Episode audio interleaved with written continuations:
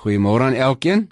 Ons kom ver oggend aan die einde van hierdie kort reeksie hierdie week. Mag hierdie Saterdag en naweek vir jou spesiaal wees, gevul met die vrede van die Here.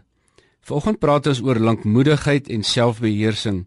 Lankmoedigheid is 'n toestand wat tog so moeilik is vir ons as mens, want die meeste van ons is maar haastig en van geaardheid.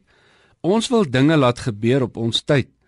Die probleem is dat ons tyd in die Here se tyd is nie altyd dieselfde nie. Sy tyd is altyd 100% akkuraat. Geduldigheid is een van die elemente wat saam lankmoedigheid bestaan. Die Here wil ons geduld leer en so ook lankmoedigheid.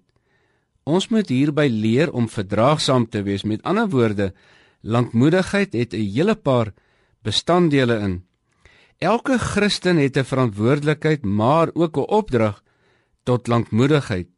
Kolossense 3:12 sê beklee julle dan as uitverkorenes van God, heiliges en geliefdes met innerlike ontferming, goedertierenheid, nederigheid, sagmoedigheid en lankmoedigheid. Die Here in sy hele wese is met jou en my met ons lankmoedigheid. Paulus praat in Romeine 2 van die rykdom van sy lankmoedigheid. Selfbeheersing is net so 'n vrug van hom en deur hom ingeplant.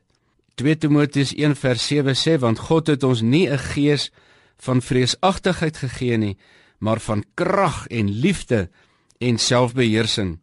Ons sal maar dikwels aan toetse in ons lewens onderwerp word waar die Here ons selfbeheersing sal toets. Dit is ons wat selfbeheersing moet bemeester en jy kan dit nie regkry sonder die toepassing daarvan nie. Die Here het 'n doelwit in elkeen se lewe. 2 Petrus 1 vers 5 en 8 sê en juis daarom ook moet julle met aanwending van alle ywer by julle geloof voeg die deug by die deug die kennis die kennis selfbeheersing by die selfbeheersing leidsaamheid en by die leidsaamheid die godsvrug. En by die godsvrug broederliefde en by broederliefde naaste liefde. Want as hierdie dinge by julle aanwesig is en toeneem dan sal julle dit nie ledig of onvrugbaar tot die kennis van ons Here Jesus Christus wees nie Die oomblik wanneer jy nie selfbeheersing kan toepas nie, dan beteken dit in feite daardie ding waarmee jy worstel beheer jou en jy het dan beheer daaroor verloor.